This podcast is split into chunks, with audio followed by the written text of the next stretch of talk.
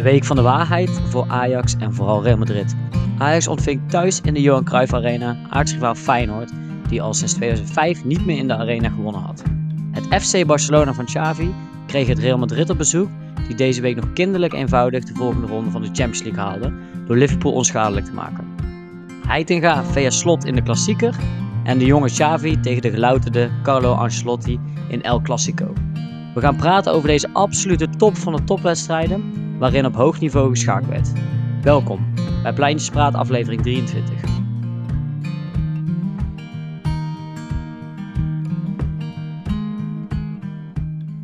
Welkom weer eh, Mark, na het uh, na Super Sunday afgelopen weekend. Waar heb je beide wedstrijden gekeken? Ja, jij ook welkom hè.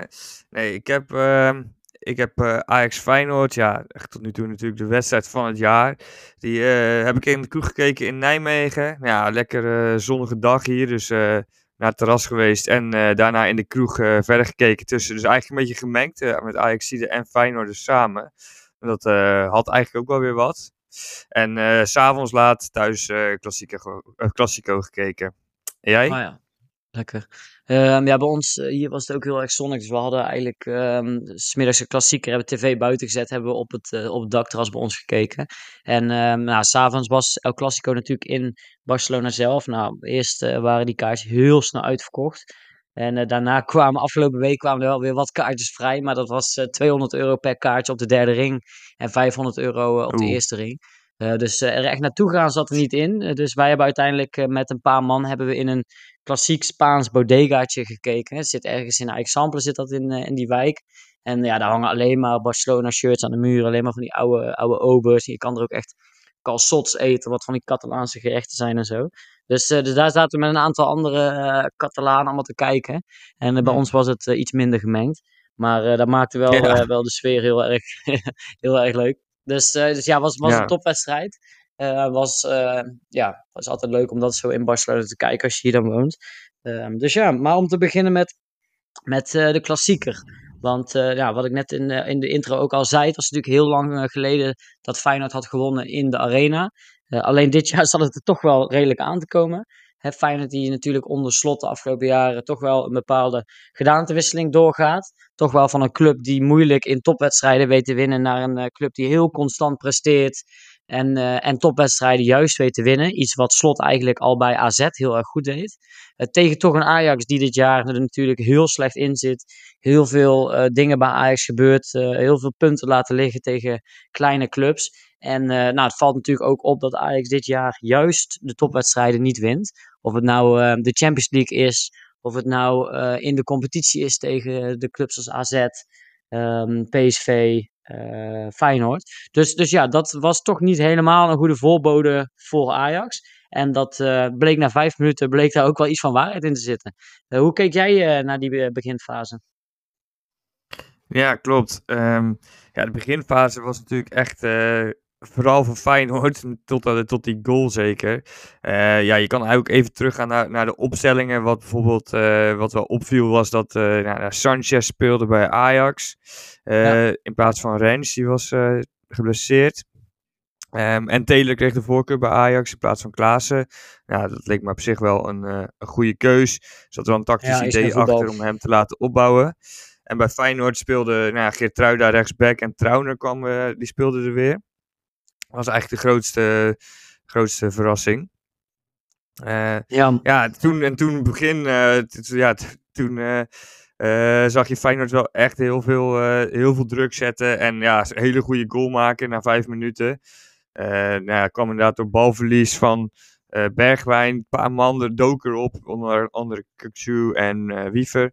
En ze ja, via, via Idrissi met een mooi hakje. En ja, toen, uh, die gaf, gaf uiteindelijk Hartman de voorzet op uh, Jiménez. Die helemaal vrij stond bij, bij Bessie. Dat was echt... Uh, ja, Ajax liep veel te ver naar voren op dat moment. En daardoor stond die Jiménez dus veel te vrij. En toen had ik wel even een beetje angst hoor. Dat ik dacht van, oeh nee, als we zo beginnen... Dat kan nog wel eens een, een nare middag worden. Maar uiteindelijk werd het wel... werd het in de eerste helft zeker beter. Ajax ja. echt uh, goed spelen in de eerste helft. Wat wil jij? Ja, ze pakt het, ze pakt het heel erg op. Je ziet meestal dat het best wel, dat ze eigenlijk ook wel eens moeite heeft met reageren dan inderdaad bij zo'n goal, bij zo'n tegenslag, achterstand. Eh, maar dat ging nu juist wel heel goed. Ja, wat je zegt, je zegt Feyenoord gewoon, ze staan bekend natuurlijk omdat ze heel hoog druk zetten. En dan probeer je daar met zo'n Taylor er iets onderuit te spelen. Ja, en als er dan in de, in de vijfde minuut al zoveel fout gaat, eigenlijk achter elkaar inderdaad, wat jij zegt met balverlies op middenveld, maar ook met Kijk, Ajax probeert natuurlijk naar vooruit te verdedigen. Je zag dat Alvarez daar heel erg eh, de lead in nam. En eigenlijk, um, die speelde sowieso echt een supergoeie wedstrijd. Maar die gaat dan vooruit spelen. Maar ja, op het moment als jij niet alle linies mee vooruit schuift, dan komt er juist allemaal ruimte. En dan moet je juist in de zone je, je, uh, je verdedigende taken doen. Wat zo'n Bessie dan bijvoorbeeld totaal niet doet. Ja, en zijn, zijn man loopt dan weg in zijn rug, die Gemines. En die kan hem dan zo, zo inschieten. Ja, echt een, echt een aaneenstapeling van fouten daarin. Maar wel goed uitspeelde Feyenoord. Mm. En uh, ja, wat jij zegt, daarna begon Ajax wel echt een stuk beter te spelen. En uh, toen kregen ze wel meer grip op Feyenoord. En dus dat was wel goed. Ik vond vooral dat ze heel fysiek waren, Ajax. dus heel ja. erg opklapte in de duels. En daar wel ook echt veel tweede ballen winnen. Ik vind altijd wel als, als een, um, een team veel tweede ballen wint, dat je dan wel vaak de overhand krijgt. Uh, dus dat vond ik eigenlijk bij Ajax uh, op dat moment wel goed. Eigenlijk een beetje tot vijf minuten voor rust. En toen, vanaf toen kreeg je een beetje het idee van, nou, dan moeten ze het vasthouden tot de rust.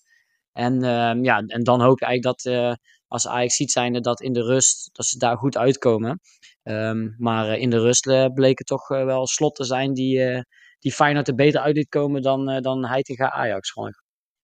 Ja, nee, klopt wat je zegt. Het was een heel uh, fysieke wedstrijd al vanaf het begin. Uh, dat zag je natuurlijk ook met die, uh, die acties van Hartman. Dus die pakte de eerste geel. Die vond ik niet helemaal terecht, denk ik, de eerste. Maar die tweede had hij eigenlijk wel, dat vond ik wel meer een gele kaart. Dat die Kudus echt zo een blok zette. Ja, ja. En hij was sowieso wel lekker fel. Ja, uiteindelijk denk ik slim gewisseld van, van slot. Ik, uh, het was niet, ik vond hem niet per se twee keer geel waard, maar hij zat er wel heel nee, erg tegenaan. Dus ja, dan slim om hem er wel uit te halen. Dat is dan ook wel iets wat zo'n slot uh, ja, goed doet, goed managed. En ja, toen inderdaad in de rust... Uh, ja, was eigenlijk ook ja. wel geluk inderdaad dat net ja. nadat dat Hartman eigenlijk die tweede gele kaart had kunnen krijgen, hield hij ook nog een bal van de lijn af. Dus, en daarna kon hij hem gewoon wisselen. En ik vond die Lopez vond ik goed invallen. Ik vond het ook geen twee keer geel, laten we zeggen anderhalf keer geel was het. Ja. Um, en ik vond het ook een beetje overtrokken dat veel mensen daarover vielen. Het, is wel, het zegt wel iets over hem dat hij. Kijk, je hebt spelers en die kunnen bijvoorbeeld heel slim fel zijn. Dat kan bijvoorbeeld die Malasia kon het heel goed. Nou, dezelfde positie natuurlijk ook en uh, zijn voorganger. Maar die Malasia die kon echt op het randje spelen en dan heel fel spelen. Bijvoorbeeld tegen Anthony. Uh, maar die Hartman vind ik wel dat hij dan, dan echt een beetje dommig overheen gaat. En uh, mm. ja, hier hier kan je gewoon wel echt je ploeg een nadeel uh, opleggen door gewoon snel rood te krijgen na 20 minuten. Dus ik vond het best wel amateuristisch, maar goed gewisseld van slot. En dan zie je toch de, toch de breedte van die selectie van uh, Feyenoord weer, want uh, ze brengen een back in. En die was niet veel slechter dan, dan Hartman. Dus ik vond hem goed spelen, die Lopez. Ja. dus dat, en inderdaad slim ja. van slot. En het zegt ook wel iets dus over de breedte van de selectie van Feyenoord. Wat je daarna later in de wedstrijd, waar we denk ik zo wel opkomen, ook weer ziet met de wissels die erin komen. Dus ja, dat vond ik wel kenmerkend. Maar uh, ja, ja, wat ik zei, in de rust werd het toch echt, vanaf na de rust was het toch echt gewoon eigenlijk alleen maar Feyenoord die gewoon uh, de overhand had. En dan ben je toch wel benieuwd hoe dat dan kan gebeuren. Ja, klopt. Ja, ja Ajax kwam er gewoon niet, niet uit. Uh, zoals de laatste weken wel tegen minder tegenstanders wel lukte. Met bijvoorbeeld het inspelen van Tadic. Daar kwamen ze gewoon daar kwamen ze niet aan toe. Uiteindelijk moest het met die lange ballen gebeuren. Dus uh, waaruit uh, die lange bal van Berghuis op Bergwijn. Ja, uh, dat is, was Berghuis speelde heel goed, hè? Dat was een beetje een gevaarlijk moment. Hij speelde de eerste helft mega goed. De tweede helft vond ik wel wat minder. Maar zoals heel Ajax eigenlijk. Um, ja, en Feyenoord die had inderdaad in de rust denk ik omgezet van we gaan ze gewoon, we gaan ze gewoon pakken. En we gaan er weer vol op. En uh, snel mogelijk die 2-2 maken. En ja, dat gebeurde ook uh, te snel voor Ajax eigenlijk. Die viel al na zes minuten naar rust. Nadat ze een hele lange aanval hadden met meerdere schoten. En steeds uh, kwamen ze weer, hadden ze de bal weer terug. En uiteindelijk viel die goal, goede goal van uh, Simanski. Ja, ook weer een dekkingsfout van de Bessie. Stond weer helemaal verkeerd te dekken. Wordt niet overgepakt. Ja. Dus die communicatie tussen Bessie en Timber is dan echt dramatisch. Want ik bedoel, als je in de zone ja. daar spelers opvangt, moet die communicatie wel echt goed zijn. Nou, dat was echt totaal niet. Ehm, iets wat hè, bij de eerste goal van Ajax juist bij Feyenoord het geval was, in die corner. Daar stond uh, Alvarez natuurlijk helemaal vrij, wat de beste kopper is van, uh, van Ajax. Dus dat was ook wel uh, bijzonder. Nee, maar die tweede goal van Feyenoord komt dan inderdaad redelijk snel op voor hun een goed moment. En in de tweede helft zag je ook dat, kijk, Ajax moet dan ook wat meer. En bij Feyenoord kunnen ze op dat moment dan gewoon heel goed die linies van, van Ajax open houden. Hè, waar ze dan gaan lopen in de diepte. Waardoor er dan echt gaten tussen die linies komen. En dan worden die ruimtes groot, is het moeilijk te belopen, is het moeilijk om die druk erop te houden vanuit Ajax. En dan, uh, dan zie je toch dat ze er heel veel moeite mee hebben. Hè? Heel veel moeite om Feyenoord gewoon echt bij de keel te grijpen en dan uh, veel dat balbezit te behouden. En ja, dan, dan komen ze ook heel weinig tot grote kansen. En ehm, ja, dat is iets wat Feyenoord wel gewoon echt heel goed deed. Ja, klopt. Ja. Wat ik vooral zag is dat Feyenoord gewoon veel meer een team is.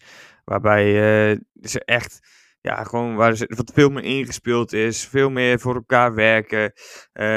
Die gewoon, ja, veel, de, de goede tactiek zit erachter. Met de buitenspelers die inderdaad veel tussen de linies komen. Die ook goed terugverdedigen. En eigenlijk met z'n allen druk zetten. Met die middenvelders erbij, zoals Kukcu en Wiever. En dat zag je gewoon, ja, bij Ajax waren dat veel grotere ruimtes dan dat je bij Feyenoord zag. Ja, en ook, uh, fysiek leken ze wel minder uh, eigenlijk, hè, Ajax. Dus Feyenoord ja, heeft natuurlijk donderdag nog gespeeld, maar dat leek alleen maar beter te helpen. Die uh, zo'n lekkere overwinning, zo'n ja, zo'n oefen, oefenpotje inderdaad, natuurlijk lekkerder dan een training. En dan kom je er wel even lekker in, naast met zo'n 7-1 overwinning in eigen huis, Europees. Dus ja, dat, dat, dat speelt ook allemaal mee. Dus ja, Slot heeft het gewoon echt beter voor elkaar dit seizoen. En ja ik denk, ja, ja, om dan nog even verder te gaan. Uiteindelijk... Wat je hebt ook zoveel automatismes bij zo'n Feyenoord. Hè? Je ziet mhm. dat als een, uh, als een linksback uitvalt, komt een nieuwe linksback in. Dan weet hij ook echt wat hij moet doen. Dat is, dat is bij Feyenoord wel heel erg. Als, als de linksbuiten, of het is die Paixão, of het is uh, Idrissi.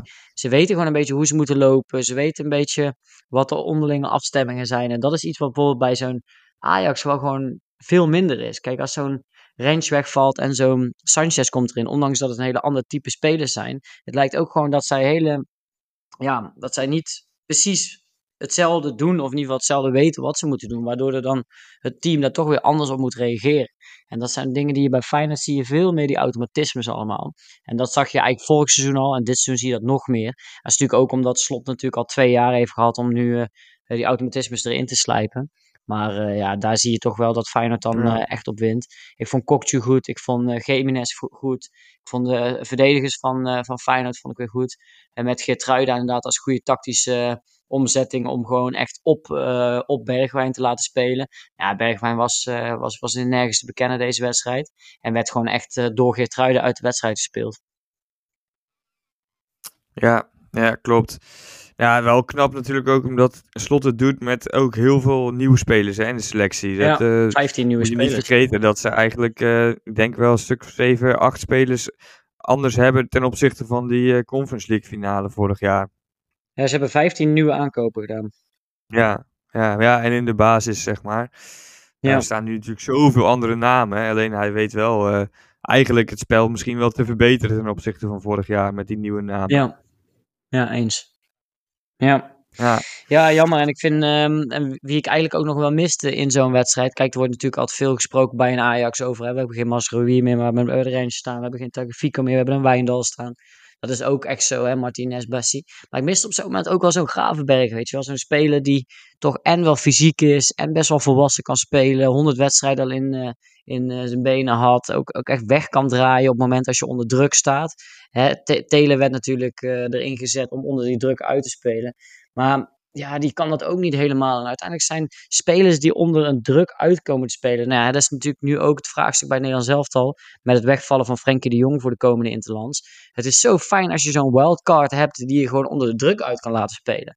En dat ja, dan, dan dacht ik wel weer van. Uh, ja, jammer dat zo'n Gravenberg niet meer uh, uh, bij Ajax speelt dit seizoen. Ja, Absoluut. Ja, en dat is eigenlijk wat je ziet bij Feyenoord. Heb je dan wel Kukcu. Die blijft wel. Ja, speelt goed. aanvoerder. Is uh, ja, gewoon een van de sterkste middenvelders en spelers van de, van de Eredivisie. En ja, daar ja. had Gravenberg natuurlijk ook gewoon prima naartoe kunnen groeien. En ook nog meer bij kunnen dragen met goals en assists dit jaar. Ja, het is echt heel zonde dat dat soort spelers weggaan. En er nog niet helemaal klaar voor zijn. Want dat zie, je, dat zie je wel, dat hij bij Bayern dus ook niet echt uh, aan spelen toe komt. En al de hele tijd niet meer bij het Nederlands elftal zit. Dus dat is echt wel heel, erg zonde voor hem. Ja, inderdaad. Het is jammer voor de Eredivisie dat zo'n spelers niet wat langer blijven. Dan krijg je toch nog betere kwaliteit van wedstrijden. Ik bedoel, zo'n topwedstrijden is het toch ook veel wel een foutenverstijn. Terwijl als je zo'n spelers net wel langer kan halen. Je hebt daar inderdaad uh, een Gravenberg tegen een Kokju staan op middenveld. Het is toch wel, ja, toch wel jammer dat dat toch elk jaar weer zo'n verversing in komt. Ja, hopen dat inderdaad juist uh, ook zo'n Feyenoord zo'n speler wel wat langer kan behouden. Ook als je kijkt naar uh, zo'n Geertruida die dan, uh, die dan bijtekende. wel voor één jaar maar. Maar ja, wel mooi. Maar het is, ehm, ja, komt niet ten goede van, van de wedstrijd. Maar voor de rest is wel, ja, wel een interessante wedstrijd. Natuurlijk 3-2. En um, ja, uiteindelijk komt Kudus nog met een hele grote kans. Met een, echt een, eh, een wereldredding van, eh, van de keeper van Feyenoord. Ik dacht zelf dat hij naast ging. En dat zag ik in één keer berg uit de, de corner nemen. Toen dacht ik, heeft hij, had die gozer nou echt van zo dichtbij weten te houden? Uh, dus dat was, ja, dat was natuurlijk een redding. Ik bedoel, als het daar 3-2 voor Ajax wordt, is het toch, uh, dan gaat uh, Thadis weer vijf keer op de grond liggen en dan is het de 90 minuut voorbij. En dan, dan win je daar met 3-2. Dus dat mm. was zo'n belangrijke redding voor, voor dat Feyenoord. Eh, met een hele goede, ja, hele goede uitspeelde um, aanval via rechts, via Conceição. Uh, daarna met een één keer raak van uh, Klaas en Kudus gespeeld. Uh, vond sowieso de wissels van Heitinga met een uh, Conceição inbrengen voor Wijndal vond ik wel, wel goed. Echt, daarom kon natuurlijk um, kon Kudus iets meer naar het middenveld. Uh, even later ook nog Bobby inbrengen voor Bergwijn met Tadic naar links. Vond ik echt wel prima wissels. Vond ik uh, echt wel het beste in wat hij had kunnen wisselen. Ik had zelf misschien nog iets vroeger Bobby en, uh, en Klaas ook wel gebracht. maar ja, uiteindelijk ja. ja. door die kans van Kudus kan je nog bijna winnen. Maar dan valt hij toch aan de kant van, van Ajax. Weer uit de corner. Goed doorgekopt van die, van die centrale verdediger, die Hancho. En uh, Geertruiden die hem binnenkopt. Ja, en uiteindelijk inderdaad met die uh, 3-2 of 2-3 uh, maakt Feyenoord de wedstrijd af. Ja, toen had ik ook wel meteen het idee van nu is het ook uh, voor Ajax is het nu klaar het kampioenschap en hier pakt Feyenoord gewoon de titel. Um, eigenlijk kan je ja. dus ook zeggen dat die redding van Wellenreuter echt cruciaal wordt voor de titelstrijd. Dat uh, ja, hebben ze dan toch weer goed gedaan. Net als ze vorig jaar ook al een goede tweede keeper hadden. Um, Marsman, ja. Ja, ja, precies. Nou ja, nu staan ze zes punten voor. En als je dan naar het programma van Feyenoord kijkt, dan weet je gewoon dat het uh, klaar is. Ook al hebben ze het heel soms moeilijk tegen die zwakkere tegenstanders. Maar ze winnen. Ik zie niet dat Feyenoord nu nog twee van de acht wedstrijden gaat verliezen. Want ze moeten eigenlijk. Uh, hebben ze eigenlijk heel veel makkelijke wedstrijden. En ook uh, de paar teams uit het linkerrijtje, die krijgen ze dan ook nog allemaal thuis. Dus eigenlijk, ja, dat wordt gewoon die gaan gewoon kampioen worden. En daarbij gaat Ajax ook niet alles winnen. En die spelen nog zoveel topwedstrijden. En het is wel gebleken dit jaar dat ze topwedstrijden niet heel goed zijn. Dus uh, ja. ja. Nee, dat wordt, uh, dat nee, wordt gewoon fijn. tweede plek, hè? Ja, precies. En uh, Ajax kan nog wel voor die beker gaan. Maar ja, het wordt denk ik ook lastig om in de Kuip dan te winnen. Maar dat... -hmm. ja, ja, moet je misschien hopen dat Feyenoord nog in de Europa zit. En voor het kampioenschap gaat. Dus dan dat ze misschien dat je iets meer kans maakt in die beker.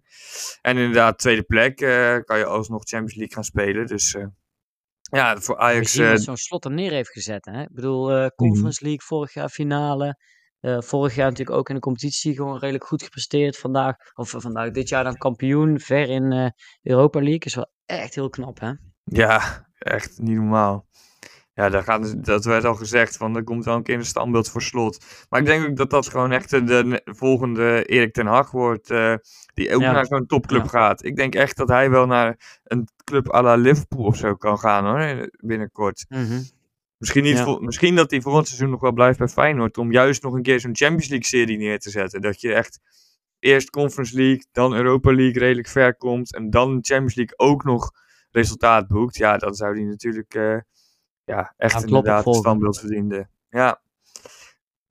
Nou, dan nog even, nog even door te gaan. Uh, S'avonds was inderdaad El Clasico. Ja, jij hebt hem al gekeken in een, uh, in een uh, barretje à la Sierte Vos.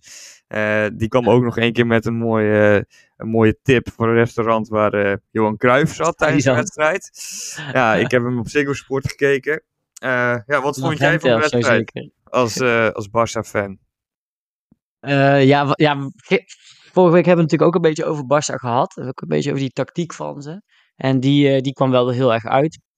Dus was geen verrassing qua opstelling dat Gavi weer linksbuiten speelde.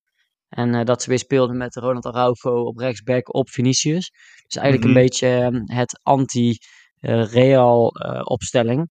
Ja. ja. en dat vond ik wel, um, ik vond ze weer heel goed spelen. Ik vond, ik vond die, ja, die Balde is gewoon een hele, hele goede speler geworden. Het is echt een beetje à la Davies, ondanks dat hij echt nog niet het niveau van Davies heeft, maar wel het profiel. Gewoon uh, echt hele grote longen, hele lange benen die heel hard kan rennen. Uh, die verdedigend gewoon uh, het veel compenseert met zijn snelheid en met zijn fysiek. En aanvallend er gewoon heel vaak overheen gaat. En ja, je ziet wel dat hij hij was, hij was vorig seizoen, toen hij dus veel geblesseerd was en toen hij eigenlijk een beetje opkomend was. Toen was hij in zijn beslissende Pasen, maakte hij vaak de domme beslissingen. En dat is iets waar Jordi Alba staat natuurlijk heel goed in. Die wist na een tijdje, wist hij altijd uh, uh, in de overlap, wist hij eigenlijk altijd blind waar Messi liep. En daar leek het als een soort magneet, leek de bal heen te gaan.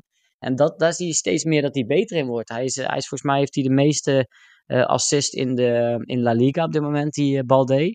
Uh, dus daarin zie je en dat hij heel veel in die um, ja, links voorin daar in die positie terechtkomt. En dat hij dus gewoon inderdaad hele goede teruggetrokken voorzetten heeft. Die hij uiteindelijk ook, uh, die uiteindelijk ook beslissend was. Dus ik vond hem super goed spelen. Ik vond Frenkie de Jong weer heel goed spelen. In die rol eigenlijk naast Busquets. Um, en uh, ja, ik vond sommige spelers ook weer wat een beetje tegenvallen. Ik vond Lewandowski weer een beetje tegenvallen. En um, ja, en ik vond Rafinha vond ik redelijk goed. En aan de andere kant uh, vond ik, uh, ja, ja, ik vond Vinicius tegen Araujo weer een heel mooi duel. En uh, ja, op het begin uh, was natuurlijk die eigen goal van Araujo die via, via hem binnenvalt. maar ik vond hem voor de rest eigenlijk weer heel goed spelen. En jij? Ja, nou ja, klopt. Wat je, wat je zegt over die Balde, dat was een artikel over op VI Pro ook. Dat hij eigenlijk de cruciale factor was op links, waardoor Barça anders kon spelen eigenlijk. Um, met Gavi, die dan heel vaak richting het middenveld kwam. En dat Frenkie bijvoorbeeld weer eigenlijk in de halfspace nou, uitkwam bijvoorbeeld. En die Balde hmm. heel hoog stond op links. Uh, ja, daar had Real dit keer moeilijk mee, ondanks dat Valverde toch speelde als rechtsbuiten, wat eigenlijk natuurlijk een middenvelder is. Um, ja. ja, ik, vond, ik vond Real ook niet zo goed spelen. Vinicius was wel uh, beter dan normaal tegen Araujo, dat ja. wel. Ja, vond ik ook. Uh, ja, ja dus, maar Benzema was echt onzichtbaar. Uh, nou, Modric haalt altijd wel gewoon zijn niveau. Dat was ook wel dit keer het geval. Maar Camavinga was echt minder dan in die wedstrijd tegen Liverpool door de week. Dus daar ik vind, hem, ik vind hem sowieso echt minder als hij, als, hij als CVM speelt, man. Ik vind, ja. Ik vind eigenlijk dat je gewoon met Suameni moet gaan spelen en dan gewoon uh, Kamavinga en Modric ervoor in plaats van Ja, Kroos. eens. Ja, ik vind die Kamavinga dan zoveel beter, vind ik hem. Uh, het is echt gewoon een linker, linker middenvelder. Nummer 8 is het eigenlijk. Ja, ja. het is echt wel een 8 inderdaad. Ja, ja. ja. Nee, en ja, wat wel opviel vond ik ook dat, uh, ja, zo vaak kijk ik Barca natuurlijk niet, maar dat Sergio Roberto daar gewoon weer op het middenveld staat. Uh, die blijft daar maar spelen, die blijft daar maar zitten. Dat is eigenlijk een beetje de Nacho Fernandez ja. van, uh, van Barça. ja, is goeie. Ja, en die, die scoorde dus ook, dus dat was ook wel onverwacht doelpunt te maken eigenlijk. En ja. ja, mega belangrijk, dat soort spelers, om die toch in je selectie te houden. Een beetje de de Spaanse of Catalaanse cultuur in je selectie te bewaren. Dat vind ik bij Real ook zo. Daar heb je ook, uh, natuurlijk die ik net al noemde, zo'n Nacho. Uh, of Vasquez, uh, Ceballos zit ja. erbij. Dat soort spelers ja. moet je, en Asensio, die moet je er toch gewoon bij houden.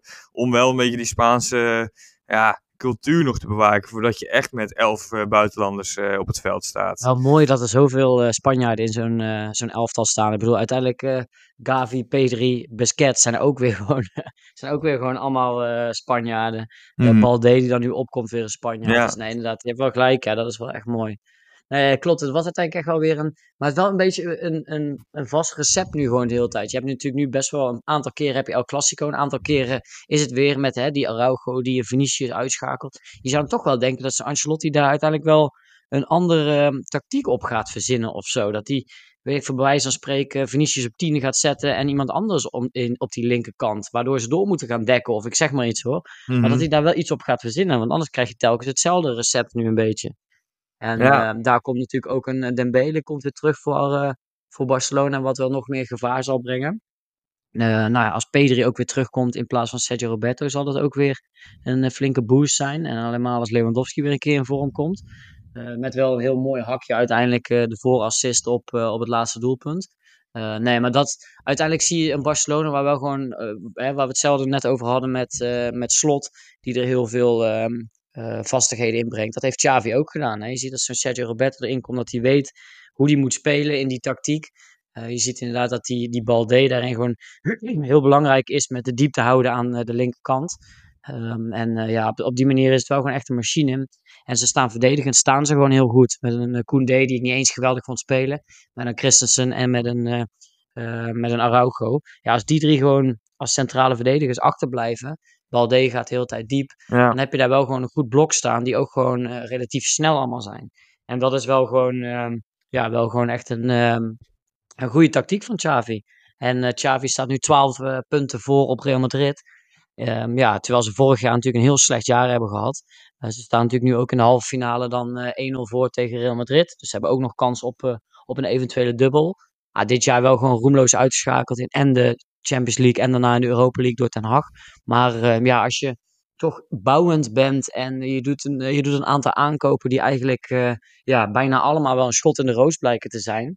Uh, en je haalt dan ook nog het kampioenschap en wellicht ook nog een beker. Ja, dan, dan zit je wel echt in een hele. Zit je wel echt op de hele goede weg als zo'n Xavi zijnde. En ook als je kijkt naar de aankopen die gedaan zijn. Hè, Frank, Cassier en Christensen, dat zijn transfervrij geweest. Dat zijn wel goede aankopen gebleken. Ook zo'n Cassier die, die, die niet altijd een rol speelt. Hè, wat ook een hele andere type is dan wat er normaal op het middenveld bij Barça staat. Uh, het is, uh, het is ja, meer een fysieke loper. Maar toch, als hij in de 16 komt, is hij gewoon wel heel belangrijk. En hij maakt heel veel vuile meters, gaat diep. Terwijl andere spelers soms te veel in de bal komen. Dus je hebt net wel wat andere smaken. En uh, ja, wel prachtig dat hij dan uh, de, de, ja, de 2-1 binnenschiet. En hij natuurlijk ook al uh, de 1-0 maakt. Of in ieder geval ja, via, een, via een been in die, in die eerste bekerwedstrijd. Dus ja, ik vind het Oh, wel ja. mooi dat op die manier ehm, de aankopen nu wel een keer goed blijken te zijn. Want ook Ja. zo'n Rafinha uiteindelijk hè, in de, deze tijd dat Dembele eh, geblesseerd is, is die wel gewoon heel belangrijk. En de afgelopen jaren, ja, ik heb het ook wel eens met jou, ben ik wel eens langs die transfers gelopen van Barça de afgelopen 7, 8 jaar. Ja, daar zaten gewoon, daar zat was gewoon 90% gewoon miskopen. En uh, dus dat is, dat, is wel, uh, dat is wel iets wat wel nu beter is bij een Barcelona. Ja, klopt. Ja, wel ook echt een lijpe goal, die, twe- die uh, 2-1. Met dat, uh, die actie van Lewandowski en dan dat hakje. Die zag je ook al een beetje Ja. aankomen dat hij dat ging doen. Dat hij, heeft hij in die Ja. bij Bayern ook heel vaak gedaan, van die hak-assists. En, ehm, Ja. ja, en dan inderdaad voorzet en ja, heel goed, eh, heel goed binnengeschoten. Alleen het wel eh, een beetje vergelijkbaar vond ik met, eh, met de klassieker. Dat het ook echt zo de andere kant op had kunnen vallen, bijvoorbeeld. Zeg maar, ja, vooral met in, het ehm, vlaggen moment, joh. ja, met die goal van Asensio. Dat was een, ja, net Ja. 2 mm buitenspel. En dan was het 6 punten geweest. En nu, Ja. een, pa- een paar minuten later, scoren ze en is het 12 punten. Dat is echt zo'n bizar verschil eigenlijk. Ja, het is echt zo'n cliché dat veel van die analisten altijd zeggen dat het zes punten wedstrijden zijn. Maar ja, op zo'n ja, zo'n manier is dat wel echt zo natuurlijk. Ja, ja, klopt. Hetzelfde bij de klassieker. Ja. Als, die goal, als die van Kudus erin gaat, dan, eh, dan staat Ajax eerste met beter doelsaldo. En nu staan ze tweede met zes punten achter. Ja, bizar. Maar ja, Ja. ehm, nee, Barça dus hetzelfde als, eh, als Feyenoord. Die nemen gewoon echt een voorschot op de titel. En ehm, ja, ik had er al niet zoveel vertrouwen meer in voor, voor eh, Real. Maar ja, dat Barça gaat dit gewoon dit seizoen natuurlijk gewoon uitspelen en die titel pakken. En ook verdiend, want Ja, veel echt meest constant, meeste constant, echt absoluut. Ja, Ja. Ja, mooi. Yes. Hey, dan ehm, als laatste onderwerp nog eventjes, eh, nu komen de Interlands natuurlijk aan. Gewoon Koeman gisteren een persconferentie gegeven waar die eh, best wel lekker gedetailleerd ingaat op allemaal eh, spelers. Hè, waar Ja. veel coaches nog allemaal wel een beetje daar vaag over blijven. Gaat hij echt van, van de opmerking van Rafael de Vaart gaat hij op in. En hij gaat in op de, ehm, op hetgene wat Tette of Wete had gezegd over hem. Hij gaat in over Mark Wiever, eh, of Mark Wiever, op, uh, op Wiever, dat, Mats Wiever, dat hij hem uh, een betere, betere Deroon uh, vindt worden. Ik vond nou wel mooi, die, die persconferentie van hem. En ik ben wel echt benieuwd, vooral zonder zo'n Frenkie, hoe die het nu neer gaat zetten. Het zijn echt vier, vijf posities wel, waar ik niet eens echt zeker weet wie die erin gaat zetten. Nee, klopt. Ja, het wordt echt experimenteren, denk ik wel. En uh, hij heeft ook bij Nalden meteen In Frankrijk. Uh, belangrijk gemaakt. Vieze aanvoerder ja. is hij al. En uh, ja, klopt wat je zegt. Frenkie is er niet bij, want die heeft dus in de laatste minuten bij, bij de Classico heeft hij ja, een kleine blessure opgelopen. sprint, hè? Ja, ja. Ja, ik denk ook wel dat spelers iets makkelijker afzeggen voor dit soort wedstrijden hoor. Want bijvoorbeeld Bergwijn ja. ook, die heeft gewoon zijn wedstrijd uitgespeeld. Reo of Bas, of ja, Frenkie heeft hem uitgespeeld. Ik zag bij Jong Oranje wat afmeldingen. Ik zag bij. Uh, is Bergwijn er niet zag... bij? Wat zei je? Is Bergwijn er ook niet bij? Nee, die is ook afgemeld. En uh, ja. daarvoor is uh, Malen is, uh, opgeroepen. Dus Malen en ja. Veerman Joey zijn Veerman, dan de vervangers. Vooral Joey Veerman zijn de vervangers van Frenkie en Bergwijn. Ja, dus mm -hmm. dat worden, ja, daar moet sowieso ja, een vervanger komen van Frenkie in de basisopstelling. Lijkt toch wel een beetje die Mats Wiever te gaan worden tegen Frankrijk. Mm -hmm. um, ja. ja, Koopmeiners is er ook niet bij. Dus uh, ja, wordt, uh, er worden ja, spannende weken. Uh, en aanvallend heeft hij ook, is hij ook ingegaan op Robbie. Nou ja, dat er eigenlijk dus weinig keuze was. Mm -hmm. qua, omdat Luc de Jong en Vincent Janssen dus bedankt hebben waar we het vorige week over hadden. Ja, dan kom je snel bij Robbie uit. En hij ziet Weghorst ook echt als eerste spits. Um, als in ieder geval als een mogelijkheid voor basisspits. Dus ik denk dat daar, ja, gaat ook iets gebeuren. Misschien wel Memphis, ja, Memphis, Memf Memphis uh, Weghorst en Gakpo bijvoorbeeld. Dat ze daarmee gaan uh, experimenteren. Misschien Wijnaldum mm. wel uh, terug in de basis. Ja. Ja, ben benieuwd. Ook benieuwd waar die Xavi Simons eventueel neer gaat zetten. Wie die dan uiteindelijk als opbouwende speler neer gaat zetten. Ja. Als je uiteindelijk in het team Frenkie de Jong kijkt, dan, dan komen Taylor en Veerman het dichtst bij hem in de buurt. Denk ik, als, als opbouwende spelers. En dan is op dit moment uh, is een Veerman denk ik wel wat verder dan een Taylor. Maar ja, het zegt ook wel iets dat zo'n Veerman uh, niet in de eerste selectie zat. Ja. Dus uh, ja, en inderdaad een, een Wiever zou je eventueel ernaast kunnen zetten. En wie zou eventueel ook nog een, met een De Roon kunnen spelen. Um, en dan Wijnaldum op 10, Xavi Simons op 10. Wijnaldum misschien juist wel op een van die twee zes posities. Uh, dus Xavi Simons zou je op rechtsbuiten kunnen zetten, waar we het vorige week over hadden. Je kan Geertruida of Timber op rechtsback zetten. Uh, ja. Dus daar zijn wel echt. Uh, en uh, ook gisteren bij Rondo bijvoorbeeld, Ruud Gullit en Marco van Basten, die, die vonden dat Daily Blind weer op middenveld terecht moest komen. Dus dat zijn, ik ook nog aan er is denken. een hoop speculatie ja. allemaal. Ja, ja en ja, het zou kunnen als je die dan naast Matt Wiever zet, die, die natuurlijk iets meer controlerend is, dan zou dat eventueel kunnen. Maar um, ja, ik ben heel benieuwd. En tegen, tegen Frankrijk zal een echt een hele grote uitdaging worden. Vooral ook hoe je uiteindelijk die, die linkerkant van Frankrijk op gaat pakken. Want je hebt uiteindelijk die Hernandez en die Mbappé. Nou, dat is alsof er een, uh, alsof een TGV over je, over je heen rijdt. Um, en uiteindelijk zou je dan toch zo'n Geertruida of een Timber op een Mbappé gaan zetten met rugdekking van, van de licht. En misschien dat je toch een centrale of een, uh, een middenvelder, bijvoorbeeld een De Roon of zo, zet die iets meer in die zone blijft. Om dan ook ook zo'n uh, zo'n Hernandez op te vangen. Want uiteindelijk ja. rechts, rechts buiten neerzetten, bijvoorbeeld een Steven Berg, uh, Berghuis of zo, die dan constant mee gaat lopen met die, met die Hernandez, lijkt me ook niet echt een heel slim plan, of wel?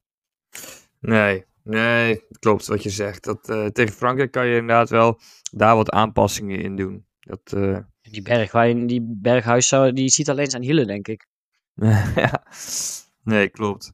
Ja, en eigenlijk wat, wel ook, uh, wat ik wel echt schandalig vind eigenlijk, is dan dat Frimpong niet geselecteerd is. Maar daar heeft hij wel uitleg over gegeven.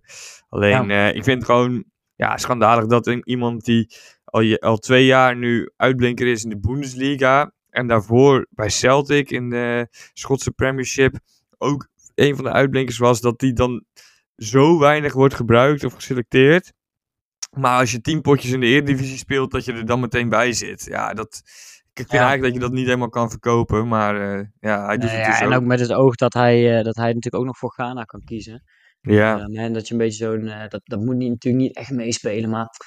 Kijk, Ja. als we het er achteraf over hadden gehad met een, eh, met een Hakim Ziyech toen met eh, Van Basten als assistent-coach en eh, dat gezeik, ja, als hij hem er gewoon even twee keer bij had gehad, hem vertrouwen had gegeven, mee had laten trainen en in had laten vallen, dan, dan was, had de wereld er anders uitgezien, weet je wel. Ja, en ik en zeg niet dat Dumfries is het... Dus, eh, ja, dus ja, Dumfries dan- zit er natuurlijk wel bij. Die kan alleen de eerste pot niet meedoen. Dus die zal tegen Ja. Gibraltar waarschijnlijk wel spelen. Maar Ja. ja. ja, want die had toen rood gekregen in de, in de WK-finale. Of in de WK-finale. In de kwartfinale toen. Ja, ja klopt. Mooi, jongen. Nou ja, dat, Ja. eh, laten we het daar volgende week nog even over hebben. Hoe, eh, hoe die wedstrijd is verlopen van Nederland-Frankrijk. Ik ben wel benieuwd naar. eh, ja. toch weer een paar van die nieuwe namen te wedstrijd zien. wel, ja. Ja. ja. En heb je nog, eh, ja, we kunnen nog heel even kort eh, de lotingen be- bespreken van Europees voetbal. Ehm, Ja, ja, wel een lijpe loting in de Champions League hoor. Met eh. City tegen Bayern München. Ja, dat zijn gewoon de twee topfavorieten eigenlijk. En die spelen City tegen bij elkaar. München is echt de aller, allerdikste wedstrijd die er is. Man. Ja. Ook eh, Guardiola tegen zijn oude team. En gewoon Ja. die, eh, die Duitse machine tegen, tegen Guardiola. Ja, het is echt Mhm. Echt heel lijp. Real Madrid-Chelsea vind ik ook wel vet, want dan gaat Real Madrid natuurlijk door. En het is ook vooral wel leuk dat Benfica en Napoli allebei wel gewoon de kans hebben om, om, ehm, eh, om, om echt door te gaan. Dat Ja, vind ik de wel, twee, eh, eh, wel heel cool. Twee stuntploegen van, eh, van dit jaar eigenlijk in de Champions League. De Ja, en ik denk ook echt dat zij wel doorgaan. Want ik zie Inter en AC Milan echt niet winnen van die twee teams. Die zijn ook best wel uit vorm. Die zijn met geluk eigenlijk doorgegaan. Ja. Allebei. Tegen een ja, wat makkelijkere tegenstander ook in de vorige ronde. Ehm, Ja. nou, wat dan ook nog zo is, is dat dus Real, Chelsea en City, Bayern aan dezelfde kant van het schema zitten. Dus de halve finale ja. komen die tegen elkaar uit. En de andere halve finale zou dan zomaar Benfica-Napoli kunnen worden. Dus daarin Ja, kan maar, Napoli... maar mijn droomfinale is echt, eh, is echt Napoli-Bayern. Ja, ja, ja, een van die twee teams, die finale, teams, die kan gewoon de finale gaan halen en hun seizoen echt bekronen met naast het kampioenschap ook nog heel ver komen in Europa. Dus dat is wel heel, eh, Ja. heel vet.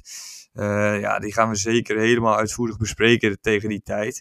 Misschien wel een leuke voorbeschouwing over die acht teams. Ja, dan Mhm. de Europa League heeft Feyenoord. Ja, ik had het een beetje voorspeld. Ik dacht, die gaan tegen Roma loten. Eh, dat is uiteindelijk ook gebeurd. En ehm die zitten ook wel aan de goede kant van het schema. Ja, Dus ik, zeker. eh, zeker. ja, hoewel ik ze niet zo heel veel kans zie maken. Ik denk tegen Mourinho dat dat gewoon echt een... eh, ja, eh, dat ze dat gaat nekken, zeg maar. Want die Mourinho Ja, gaat Mourinho gewoon... tegen Nederlandse coaches. Hè? Dat is tegen, Ja. tegen Bos geweest, tegen Louis van Gaal geweest. En nu Ja, die gaat ja, gewoon op 0-0 deze manier is hij spelen uit. Ja, ja dat, wordt, dat wordt echt een verschrikking. En dan wordt alles Ja. weer uit de kast gehaald om, eh, om een overwinning te krijgen. Maar stel voor ze gaan door, dan kunnen ze inderdaad tegen de Union Sint-Gilles komen of tegen Bayer Leverkusen. Nou, die zijn allebei Ja. Wel te doen. Vooral als je kijkt naar, eh, ja, je kan ook Juve of, eh, of United tegenkrijgen. Ja. Eh, finale, wat denk jij? Feyenoord United. Feyenoord United, denk jij? Ja, nee, ik dan- denk, ik denk AS Roma United. Ja, ja. ja daar ga Mourinho ten. Hag.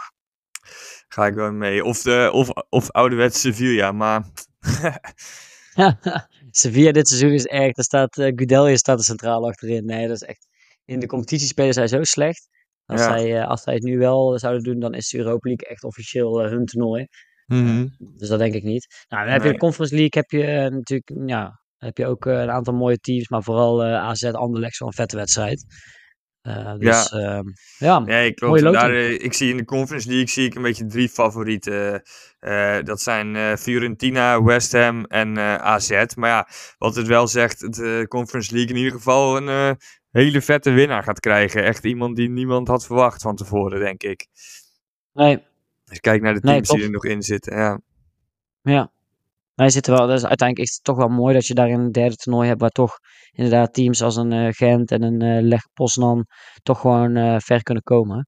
Ja. Dat zag je vorig jaar natuurlijk bij Feyenoord ook. Dat, ja, dat zorgt wel voor bij dat soort clubs een hoop vette away days en een hoop ehm, ja, toch glans aan die seizoenen. Eh, dus toch wel mooi dat die Conference League erbij is gekomen. ja nee, eh, wordt, eh, wordt mooie potjes. Benieuwd wat Feyenoord Yes, AZ gaan doen. Ja, Ja, en dan gaan we volgende week gaan we even interlandvoetbal bespreken. ja helemaal goed. Dan gaan we afsluiten en dan spreek je volgende week. Yo, Yo, later. later.